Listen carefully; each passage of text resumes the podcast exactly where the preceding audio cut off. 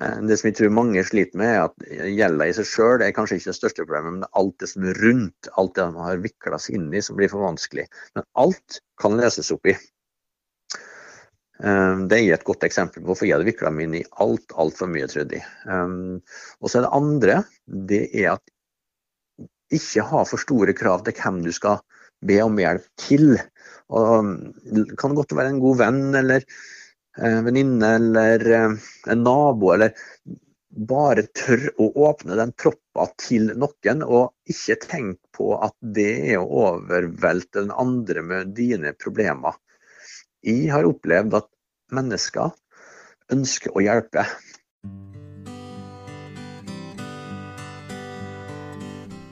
Hei og velkommen til Selvmordspodden. I denne episoden skal vi snakke om gjeld. Media har i det siste også satt fokus på dette i forhold til psykisk helse og selvmord. Jeg fikk nettopp Levenytt i posten. Og på baksiden så har generalsekretæren Therese Grøm skrevet noe som også handler om gjeld. Jeg skal bare lese litt av det før vi begynner på selve intervjuet. Om vi havner i økonomisk uføre, kan det oppleves som et alvorlig tap av evne til å klare oss selv og til å ivareta våre egne økonomisk. Særlig for menn kan det utløse en eksistensiell identitetskrise, en tapsopplevelse av rolle og identitet som forsørgeren. Hvem er jeg som ikke klarer å sørge for meg selv, for min familie, for mine barn? Eksistensiell krise er sterke indre krefter, og veien kan være kort til skam, håpløshet og maktesløshet, hvor selvopplevelsen av verdiløshet og utenforskap vokser. Det å be familie og venner om hjelp er ofte av samme grunn så skambelagt at mange ikke orker tanken. Derfor syns jeg forslaget som professor i helsepsykologi Arne Holte tidligere har fremmet, om at det bør integreres økonomiske rådgivere i psykisk helseapparatet, er svært godt. Det er sånn vi må tenke, bruk av kompetanse på tvers, særlig for å nå menn som bærer på selvmordstanker. Det vil også være en viktig anerkjennelse av den betydningen økonomiske problemer kan ha for vår mentale helse og for selvmordsrisiko. Menn er overrepresentert på selvmordsstatistikken, og alle spør seg om hva vi kan gjøre. Økonomiske rådgivere, som er en del av psykisk helsehjelp, er definitivt en tilnærming som bør prøves ut.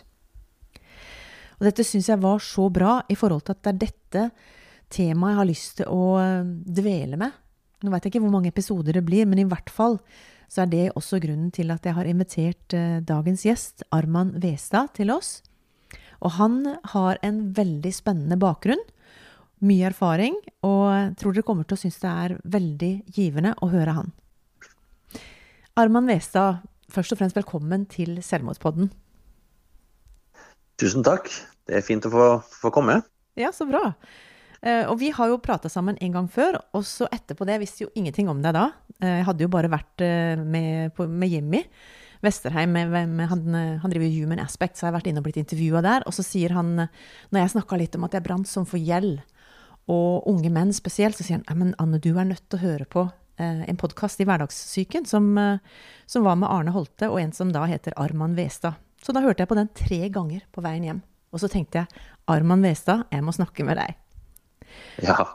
Så siden vår samtale, ja. forrige samtale så har jeg googla litt og funnet ut uh, at du er både foredragsholder, du er gründer, og du har masse spennende prosjekter på gang.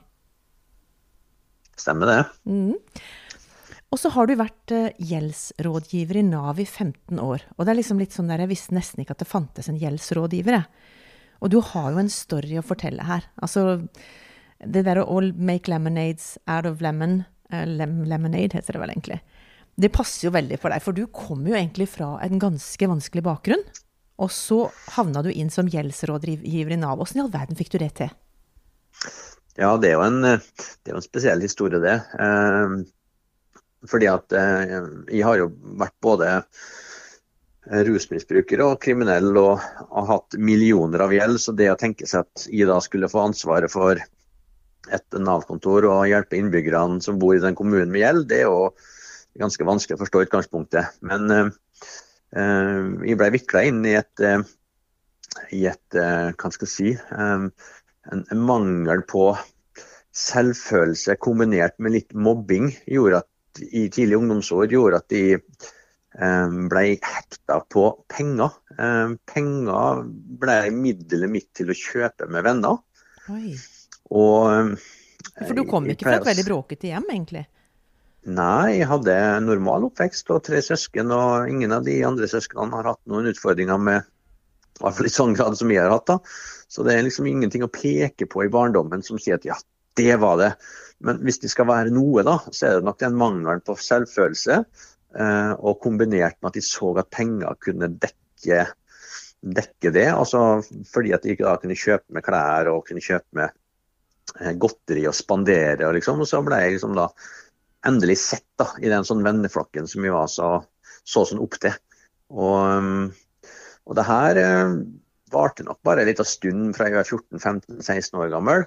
Eh, men når jeg flytta ut for, for, å starte mitt voksne liv, så, så hadde jeg jo ikke begreper på penger. Sånn at den mangelen på pengeforståelse den tok jeg med meg inn i voksenlivet. da, Og jeg hadde fremdeles et veldig stort behov for selvfølelse og fine klær og alt det her. sånn at mm.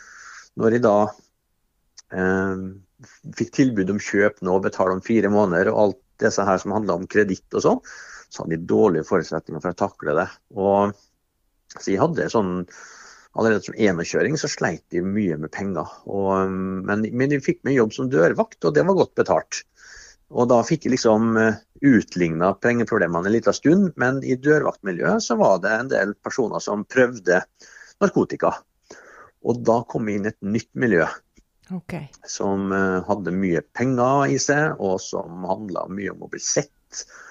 Og, ja, men jeg klarte å leve et dobbeltliv lenge. Flytta til Trondheim, ble gründer og student og fullførte fire år på universitet. Men etter hvert så tok eh, kriminaliteten over, og mye narkotika. Og ble fengsla eh, og satt mye inne, men klarte å snu livet mitt etter hvert eh, når jeg var rundt noen og 30 år gammel. Men fra du var 14 til du var 30, på en måte, når var det familien din begynte å skjønne at, dette, at det var noe galt? Altså du, du sleit med ting? Nei, det er ikke så lett å si. fordi at De bodde en periode borte fra mine foreldre av helt naturlige årsaker. fordi at eh, jeg spilte fotball, og de bodde på ei øy med en ganske dårlig forbindelse til fastlandet. sånn at de bodde hos bestefaren min. Det var også han som ga meg en del penger. da. Sånn at når de da, fra jeg var 14 år, så bodde de borte fra. Så jeg begynte jo å slite kanskje med narkotika først da jeg var 1920, og da hadde jeg jo flytta ut. Så det var liksom litt vanskelig for foreldrene mine å, å, få tak i dette her nå, da. Så det var nok først når jeg eh, begynte å slite veldig at, eh, at de fant ut av det. Men var det noen som kunne hjelpe deg i den perioden? Det er ganske mange år som du sleit. Liksom, prøvde du å få hjelp i den perioden? Nei, jeg gjorde nok ikke det. altså. Jeg levde jo som sagt, et dobbeltliv, og så klarte jeg å få livet til å fungere. Jeg ble jo pappa, og streit familie. og uh, jeg, jeg, ser jo på meg sjøl at jeg ikke sleit på den tiden. Det var selvvalgt. Uh, jeg syns jo livet mitt var bra. Ja, Så du hadde det uh, egentlig ganske greit så lenge du klarte å håndtere disse her. For da hadde du ikke masse masse gjeld, da klarte du å skaffe midler du trengte og sånn?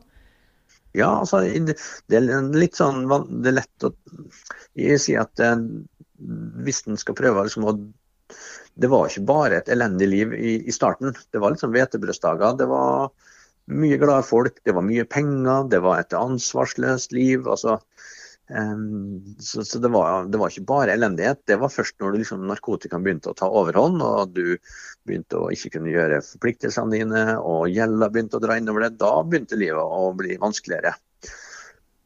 Åssen hadde du det egentlig da? Eller sånn, Hvor gammel var du da? Var dette her når du satt inne når du var 30, eller var Ja, de dårlige opplevelsene starta nok eh, da jeg var rundt 4-25 år gammel. For da begynte politiet å ta mer og mer en, en, større plass i livet mitt. Og, og mye glattcelle, eh, mye fengsel. Um, ja, den, kan skal si, den, den følelsen av å få livet til å funke. Da, fordi at du hadde mye penger og gjorde en vei oppover i det kriminelle miljøet, den, den, um, den ble erstatta av mer sånn blakkhetsfølelse. At du, var, at du var dårligere, du hadde ikke penger til narkotika til slutt. Uh, og det var en ekkel uh, og vond opplevelse. Og mot slutten så husker jeg at jeg faktisk vurderte å, å ta livet mitt. Men så, men, så, klarte jeg faktisk da å snu. Ja, Åssen gjorde du det? I, ja, jeg, jeg, snudde egentlig når jeg var helt på bånn. Satt på eh, fengselscella i Bergen inn i år 2000 og, og tenkte egentlig at eh, da, hadde jeg lyst til å ta livet mitt. Men da var det noen som hadde klart å skape et litt sånn gnist av håp i meg. Og det var en politimann som, eh, som arresterte meg. Men istedenfor å arrestere meg, så ble han sittende og prate med meg og brydde seg om meg. Hmm. Og det var en ganske sånn sterk opplevelse, fordi at uh, politi og røvere skal jo egentlig ikke bry seg om hverandre. Men du var ikke bestekompis med de fra før, liksom? Nei, jeg var ikke det. Uh, og så klarte jeg da å se at når de turte å åpne med å be om hjelp, um, når de traff riktige personer For politimannen han var en helt sånn spesiell person med noen kvalitetsferdigheter. Og så møtte de flere sånne personer, uh, og da turte jeg å åpne med å be om hjelp. Og det var helt avgjørende for at jeg skulle klare å snu livet mitt. Da, for livet mitt klarte ikke å snu uten hjelp fra andre. Og det var ikke enkelt, altså, for jeg var en sånn hardbarka kriminell som ikke var vant til å be om hjelp i det hele tatt. Jeg skulle klare meg sjøl. Um, og når jeg da så effekten av å tørre å be om hjelp, mm. så var den, det var formidabel. Og siden så har jeg jo benytta meg egentlig av den uh, i det livet som jeg også lever nå, da. Men hva sånn var det som på en eh, måte, når du hadde fått denne hjelpa, du satt egentlig inne, hva, var det bare å gå rett ut på gata og så være en ny mann, eller måtte du gå gjennom noe? Nei, jeg var gjennom fengsel og via rehabilitering uh, i Tyrili. Og var nok der i ca. to år til sammen. Og da etterpå det så utdannet jeg meg til sosionom. Og gikk tre år på sosionomutdannelsen og fikk jobb i Nav.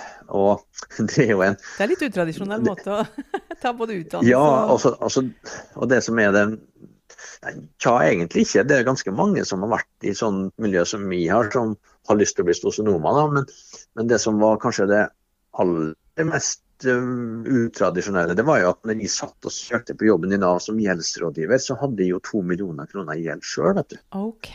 Men visste Nav det? Jo... Visste de som ansatte det, at du sjøl sleit med det?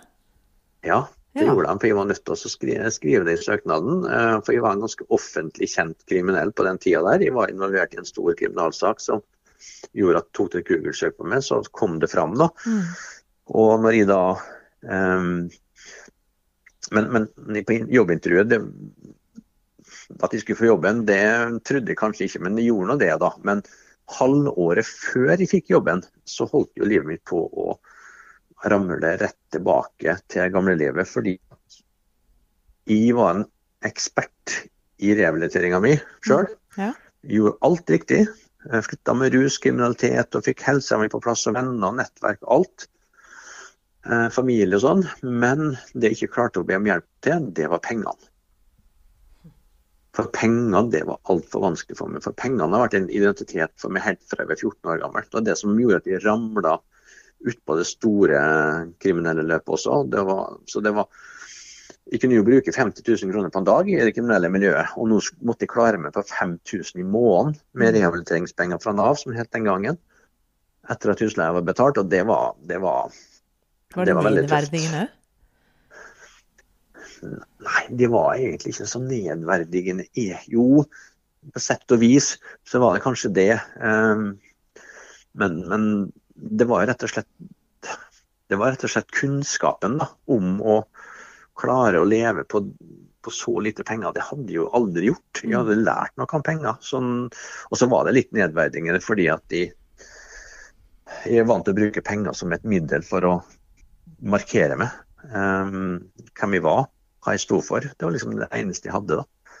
Så når jeg måtte be om hjelp til det, så, så holdt det på å skjære seg. Da, fordi at namsmannen sa til meg at ok, nå har du fått en ordning i livet, gjeldsordning altså, og hvis ikke du får på plass den og betaler det du ligger på etterskudd, så vil du måtte annullere den. Og Da huska jeg at jeg hadde et sånt øyeblikk igjen der jeg satt på stuegulvet med alle de her eh, varslene om opphevelse av gjeldsordninga mi eh, rundt meg, og så tenkte jeg skal jeg nå ringe til mitt gamle liv og få tak i de titusenene som jeg mangler, jeg tror det er 15 000 eller sånt, eller skal jeg ringe til mora mi og få lånt de pengene. Mm. Og det var minst like tøft, det siste, å spørre min mor. Men det var nok den beste løsninga, og det var det jeg gjorde, da. Um, og da fikk jeg jo selvfølgelig beskjed om da, at ja, men nå må du ta det sammen, og jeg skal gjøre det du kan. Uh, men du må erkjenne at du trenger å be om hjelp. Nei, du må erkjenne at du trenger hjelp til å bli flink med penger. I hvert fall flinkere. Uh, men at de skulle gå derifra da, til å bli gjeldsrådgiver i Nav, det, er det er jo et ganske langt Det tror jeg ikke hun vel tenkte på den gang da. Nei. Men det var det jeg bestemte meg for. OK. Fikk noen måneder med, med intensiv læring om økonomi eh, og om meg sjøl, hvordan jeg så på meg sjøl og penger i sammenheng. Og så tenkte jeg at hvis, det, hvis jeg sliter med dette her, så er det garantert flere som sliter med det. Og jeg skal gjøre det jeg kan for å hjelpe andre mennesker med akkurat dette her nå. Mm. Så da bestem, Det var liksom et livskall som, som dukka opp der da. Eh, og det var den offensive holdninga jeg hadde når jeg satt på gjeldsrådgiverintervju og sa jeg skulle ha den jobben. Mm. Du var ganske bestemt på det? ja, altså, jeg, jeg, må innrømme at jeg var litt sånn Du er god til å selge og selge deg sjøl inn?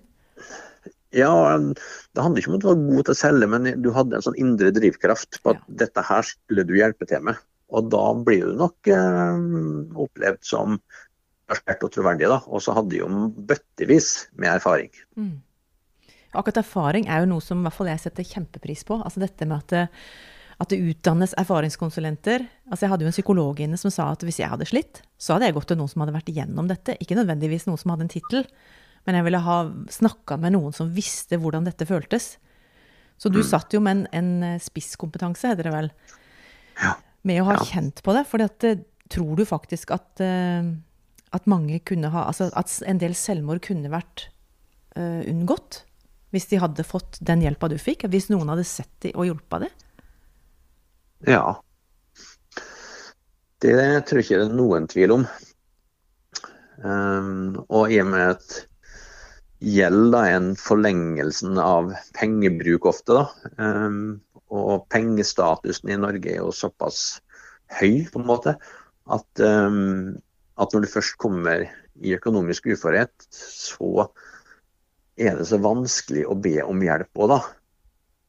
Uh, og altså, det virker litt, litt sånn uoverstigelig. Um, så jeg tror at mange som tar tar livet sitt som, um, som har gjeld, uh, uoverstigelig gjeld, de har gjort det um, fordi at de ikke ser at det er en annen utvei. Mm. Og det er uh, så For de, de, makter liksom ikke å begynne å prøve å forklare til noen uh, hvordan det er å være der. Men hvorfor de er det så vanskelig? Har du noen tanker om det? Ja, ja, for at det er jo Jeg tror det er mye sånn blanding av selvforakt eh, Selvforakt, ja, og, og at du har utvikla antagelig depresjon og dette her nå, da. Um, for du får en selvforakt, for du har tatt så mange dårlige valg. vet Du mm. um, Du har vikla deg inn i en sånn historie som ikke du klarer å komme deg ut av. Uh, og så sitter du kanskje og tenker på hvordan skal det bli for meg hvis de skal forklare det her til noen, og så klarer du ikke å finne ut hvor du skal begynne å forklare det hen. Du mangler begrep, om, og, du, og, så mangler du ord til å beskrive. Altså Du mangler et referanseapparat. altså Du har ikke de eh, ordene i hodet engang. Uh, det du vet bare er at du har løyet, og du, du begynte med du begynte med gode tanker. Tenk på seg. Du tenkte ikke å, å lyge, men du liksom, tok en spansk løgn, en hvit løgn, mm. og så vikla du inn et eller annet. Uh, du sa noe i intervjuet at det kunne være litt sånn ensomt. At du, du, vet at du på en måte har ikke råd til å være med på det som de andre er med på, og du må liksom hele tida spille en rolle og ha på deg en maske. At du skal være lik de andre, og så føler du deg så vanvittig både skamfull og mislykka og alt det greiene. Ja, Det er nok en del av driverne til at folk får økonomiske problemer. Altså Hva som er årsaken til at du faktisk havner der. Da. Men når du først har havna der, eh, så er det nok eh, eh, Ja, så driverne er nok eh, prega av de valgene du har tatt. og Mange tror at det er valg som, som de sjøl altså, De er jo ansvarlige sjøl for de valgene de har tatt, men det, Mm. blir, det folk ikke tenker på, at du blir påvirka så veldig mange rundt det. da. Og omgivelser og hvordan du lever livet ditt, og, og samfunnet og markedskrefter. Og at eh, Det var noen som sa til dem en gang at hvis du skal ha Du bør plukke noen venner som ikke tjener mer penger enn det. For det er hele tida et jag ofte. At du liksom skal ha det som alle andre har. da. Mm. Og det har jeg sett som gjeldsrådgiver i Nav. da, At veldig mange bare fortsetter å bruke penger fordi at alle andre gjør det, selv etter at du har mista jobben f.eks. Mhm. Og mister en tredjedel av inntekta di. Plutselig mister du 10 000 over natta, men du fortsetter å bruke det samme, for det blir for vanskelig å la være. da, For da må du begynne å forklare. Eh, og har du ikke penger, du. Sånn at den følelsen der da, er det mange som faktisk lar være å ta, og så begynner de å vikle seg inn i noe. Og da blir det til slutt for vanskelig, for du har vikla det inn i for mye. da. Men du har jo Da vært et sånt tilbud for folk på Nav, liksom. Men, men er det folk som må være inne i systemet, eller være inne i psykisk helsesystemet, eller hvem er det som kan få hjelp av en, en gjeldsrådgiver? Det er jo det som er så bra, da, for å ta det, at alle kan få hjelp av gjeldsrådgiver. Um, Det mange ikke vet, er at, at eh, du som innbygger i en kommune har eh, plikt til å få råd og veiledning innenfor økonomien din av en gjeldsrådgiver i Nav. Okay. Det står i lovverket, det. Og Hvis ikke du får den tjenesten, så kan du klage til såkalte statsforvalter nå, som tidligere fylkesmann. Men Så sånn bare helt konkret, du kan jo ikke bare gå og banke på døra og si 'hei, jeg gjeld, jeg vil inn'. Det er jo bare det er jo Egentlig. telefoner, og det er jo Åssen skal du gjøre det, liksom? Helt konkret? Ja, da må du gå på hjemsidene til den kommunen, um, og, eller på nav.no, og så søke på det som handler om gjeldsrådgivning, eller økonomisk råd og veiledning. Uh, og så står det fremgangsmåte der. Men det er klart at det kan virke ganske uoverstigelig når du sitter i en sånn situasjon som vi akkurat har beskrevet, da, og som begynner å snakke med noen som du aldri har snakka med før om. Um, og så får du og så, så er det ofte sånn ja, du må ta med papirer, du må ta med deg alle regningene dine, inntektene dine og alt dette her. Og det er jo for mange som er så uh, nedkjørt av den følelsen av å ha økonomiske problemer, så er det bare nok til å la være å fortsette, liksom. Så det Altså I mitt hode så føler jeg at en del av disse ungdommene har, eller sånn unge, har en kjempe, at det er en kjempehøy terskel inn til Nav eller det offentlige eller et eller annet sånn. Og så er det jo, som du sier, kjempevanskelig å snakke med mamma eller pappa. Så, så hva, altså For du er jo litt ute av Nav nå og har begynt på en litt ny vei. Så tenker jeg, hva, altså, er, kan det du holder på med nå være med å hjelpe sånn at ikke den dørterskelen blir så høy, da? Når du kommer med en bærepose full av gjeld, og du har aldri snakka med det til noen. Ja, det Jeg, jeg driver jo og, og eh, hjelper bedrifter nå, da, med å gi sine arbeidstakere eh, den tjenesten. Mm. Men da må en jo ha et ansettelsesforhold, selvfølgelig. Eh, og da kan jeg bidra bedriften med at den ansatte får orden i økonomien sin. Og Det er jo ganske stilig Da- prosjekt, da. ja, jeg syns egentlig det. Og når jeg slutta i Nav, så, så var det jo fordi at jeg hadde lyst til å hjelpe til med samme type utfordringer, men litt fra en litt annen innfallsvinkel. For jeg ser at Nav begrenser meg på noen måter, og så har det gitt meg et hav av muligheter til å jobbe i Nav. Men nå var det liksom på tide å gjøre noe annet. Mhm. Um, og hvordan skal man da klare å hjelpe de som sliter, eh, når det ikke Når de ikke har penger, selvfølgelig. Jeg kan ikke begynne å ta penger for folk som har masse gjeld. Og så er det etisk uforsvarlig, syns jeg òg, mm. å ta penger. Um, så, så Derfor så tenkte jeg at OK, kan vi slå to fluer i ett smekk, da? Og det er å få hjelpe de som sliter, uten å ta betalt for dem Mm. men eh, ta betalt fra arbeidsgiver, som da får friskere og bedre arbeidstakere, som er mer på jobb, mindre syk, eh, og som er mer fornøyd generelt sett og tar bedre avgjørelser på jobb. Både i forhold til sikkerhet og eh, svinnsituasjon og sånn. Um, så det jobber jeg nå um, Det er mitt som store hjertebarn for tiden, da. Så hvis ha en Du kan få lov til å si det, men altså, hvis bedriftseiere sitter og hører på deg nå, så kan de kontakte deg og si hei, kan du komme Og hva gjør du for noe da? Gir du de en opplæring, eller tar du enkeltsamtaler, eller hva, hva er det de kan forvente å få av deg da? Egentlig begge deler. Vi lager et litt sånn skreddersøm på dette her, da. Det som er um, For å nå de som sliter, så er det nok min historie ganske viktig, da. Um, sånn ja, du forteller at, um, din egen historie til hele ja, gjengen? Ja, det kan jeg gjøre, ja. Um, og så er det vanskelig selvfølgelig for en uh, som sliter med gjelda si, å åpne seg til en bedriftsleder, kanskje.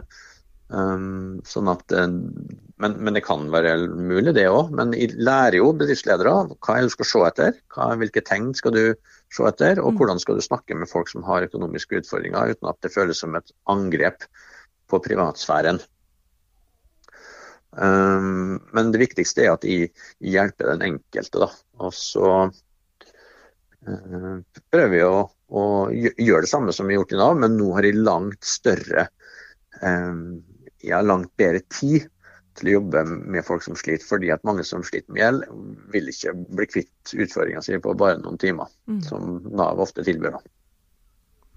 Jeg vet at det fins også noen småprosjekter med sånn likepersoner som går inn og hjelper folk. Altså At det går an å snakke med dem, de har taushetsplikt og litt sånn og det er jo litt sånn som jeg tenker at det må jo være den laveste terskelen. At det finnes, finnes mennesker som deg gjennom bedrifter, eller at uh, Jeg vet ikke om kan, folk kan kontakte deg heller, for jeg bare jeg har så lyst til å være med og bidra med et eller annet. Jeg vet bare ikke, jeg kan ikke være sånn der gjeldsrådgiver, men jeg, jeg syns jo dette, dette er jo veldig nært meg, fordi det var en av tingene som Thomas sleit med.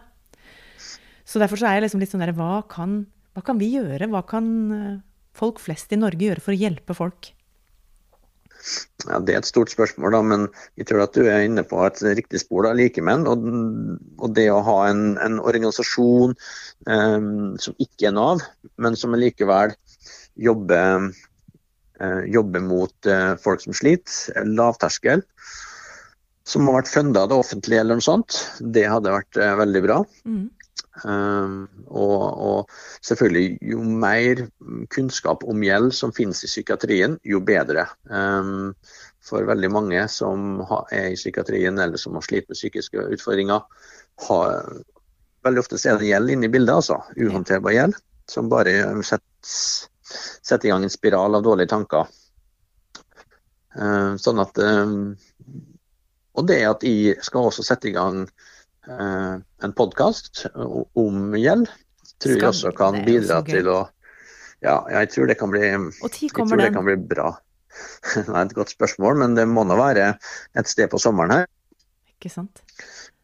Sånn jeg hadde vi... tenkt at jeg måtte lage dette her, men så endelig så fant jeg jo ut at du skulle gjøre det. Og så var jeg bare sånn der Yes, da slipper jeg å gjøre det, liksom. For da er det jo noen som Så jeg skal i hvert fall i Selvmordspodden skal i hvert fall poste ut alt det dere poster. For det er jo et kjempespennende prosjekt.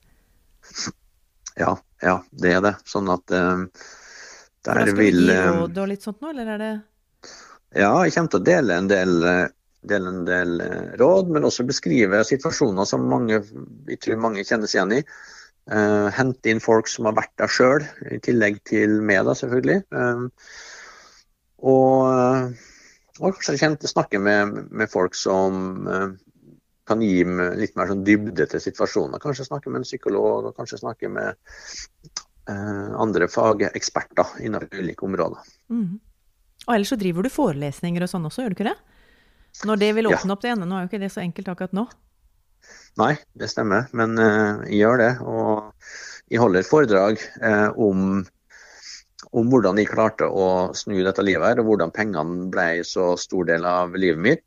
Mm. Eh, foredraget heter 'Pengene og livet'. Der er egentlig pengene i en rød tråd gjennom hele livet mitt, altså fra jeg var 14 år, eller egentlig fra jeg var 8 år fikk ukepenger, men 14 år i hvert fall. Og nå til da, den dag i dag hvor jeg liksom jobber med penger på fulltid. Og jeg syns penger fremdeles er spennende, men vanskelig.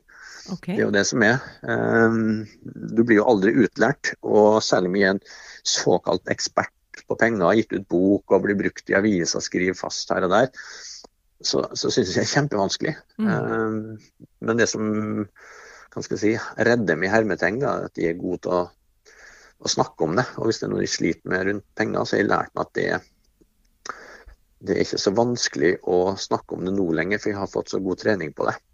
Men for noen som aldri har gjort det før, så er det veldig krevende første samtalen. Mm. Jeg har lovt at vi ikke skal holde på så veldig lenge, men jeg, jeg må høre om dette her påskeprosjektet ditt før vi avslutter. Fortell om det, Arman. ja. ja, det um, skal skje rett etter påske, ja. Og det her er jo litt sånn når permitterings... Eller når jeg ble permittert som foredragsholder og måtte begynne å eh, få dagpenger fra Nav. For det, så jeg har liksom kjent liksom på følelsen på nytt da, å, å, ha litt lite penger. Men eh, da begynte jeg å tenke hva er det vi kan gjøre eh, Hva jeg kan utvikle meg videre til. Og hva jeg kan gjøre for å bruke min bakgrunn til å hjelpe andre som sliter nå. Da. Sånn at ja. Eh, jeg har alltid brukt mosjon og trening for å eh, komme med i form og for å komme mentalt på plass igjen. Riktignok på et usedvanlig lavt nivå, da, men likevel. De klarer liksom å bruke det til å trene eh, og holde mye vigør. Så jeg bestemte meg for at jeg skulle springe et stykke, ikke bare så rent lite heller, men fra Trondheim til Snåsa. Eh, over fem dager, fem etapper. Og der eh, jeg skal smile, vinke og si hei til alle i møte. ok. Klarer du det mens du løper, liksom? Ja, det er det som er målet. da. Jeg har holdt på å tørrtrene i ganske lang tid nå. Eh, smile. Eh, først vinke, smile og si hei. Vinke kom inn på slutten her nå, fordi at hvis folk har masker, så må du faktisk vinke for at eh, du skal se om de smiler tilbake. For et smil, det kan faktisk smitte mye mer, mm. er mitt mål, da. Men Hvordan skal de vite sånn at, at, det er deg liksom, når de ser det langs veien? Har du på deg noe spesielt kjennetegn, eller? Ja, jeg har for så vidt det. Jeg har, eh, det er ganske mange som har lyst til å være med og sponse et sånt opplegg som det her. da, For jeg bruker fem dager på det her, slik at det er en del bedrifter som har gått inn. Og da, da er både Løplabbet og en del lokale leverandører her i Trondheim som har gått inn med penger. slik at her blir jo streama da, minutt for minutt, egentlig, eh, til folk som vil se.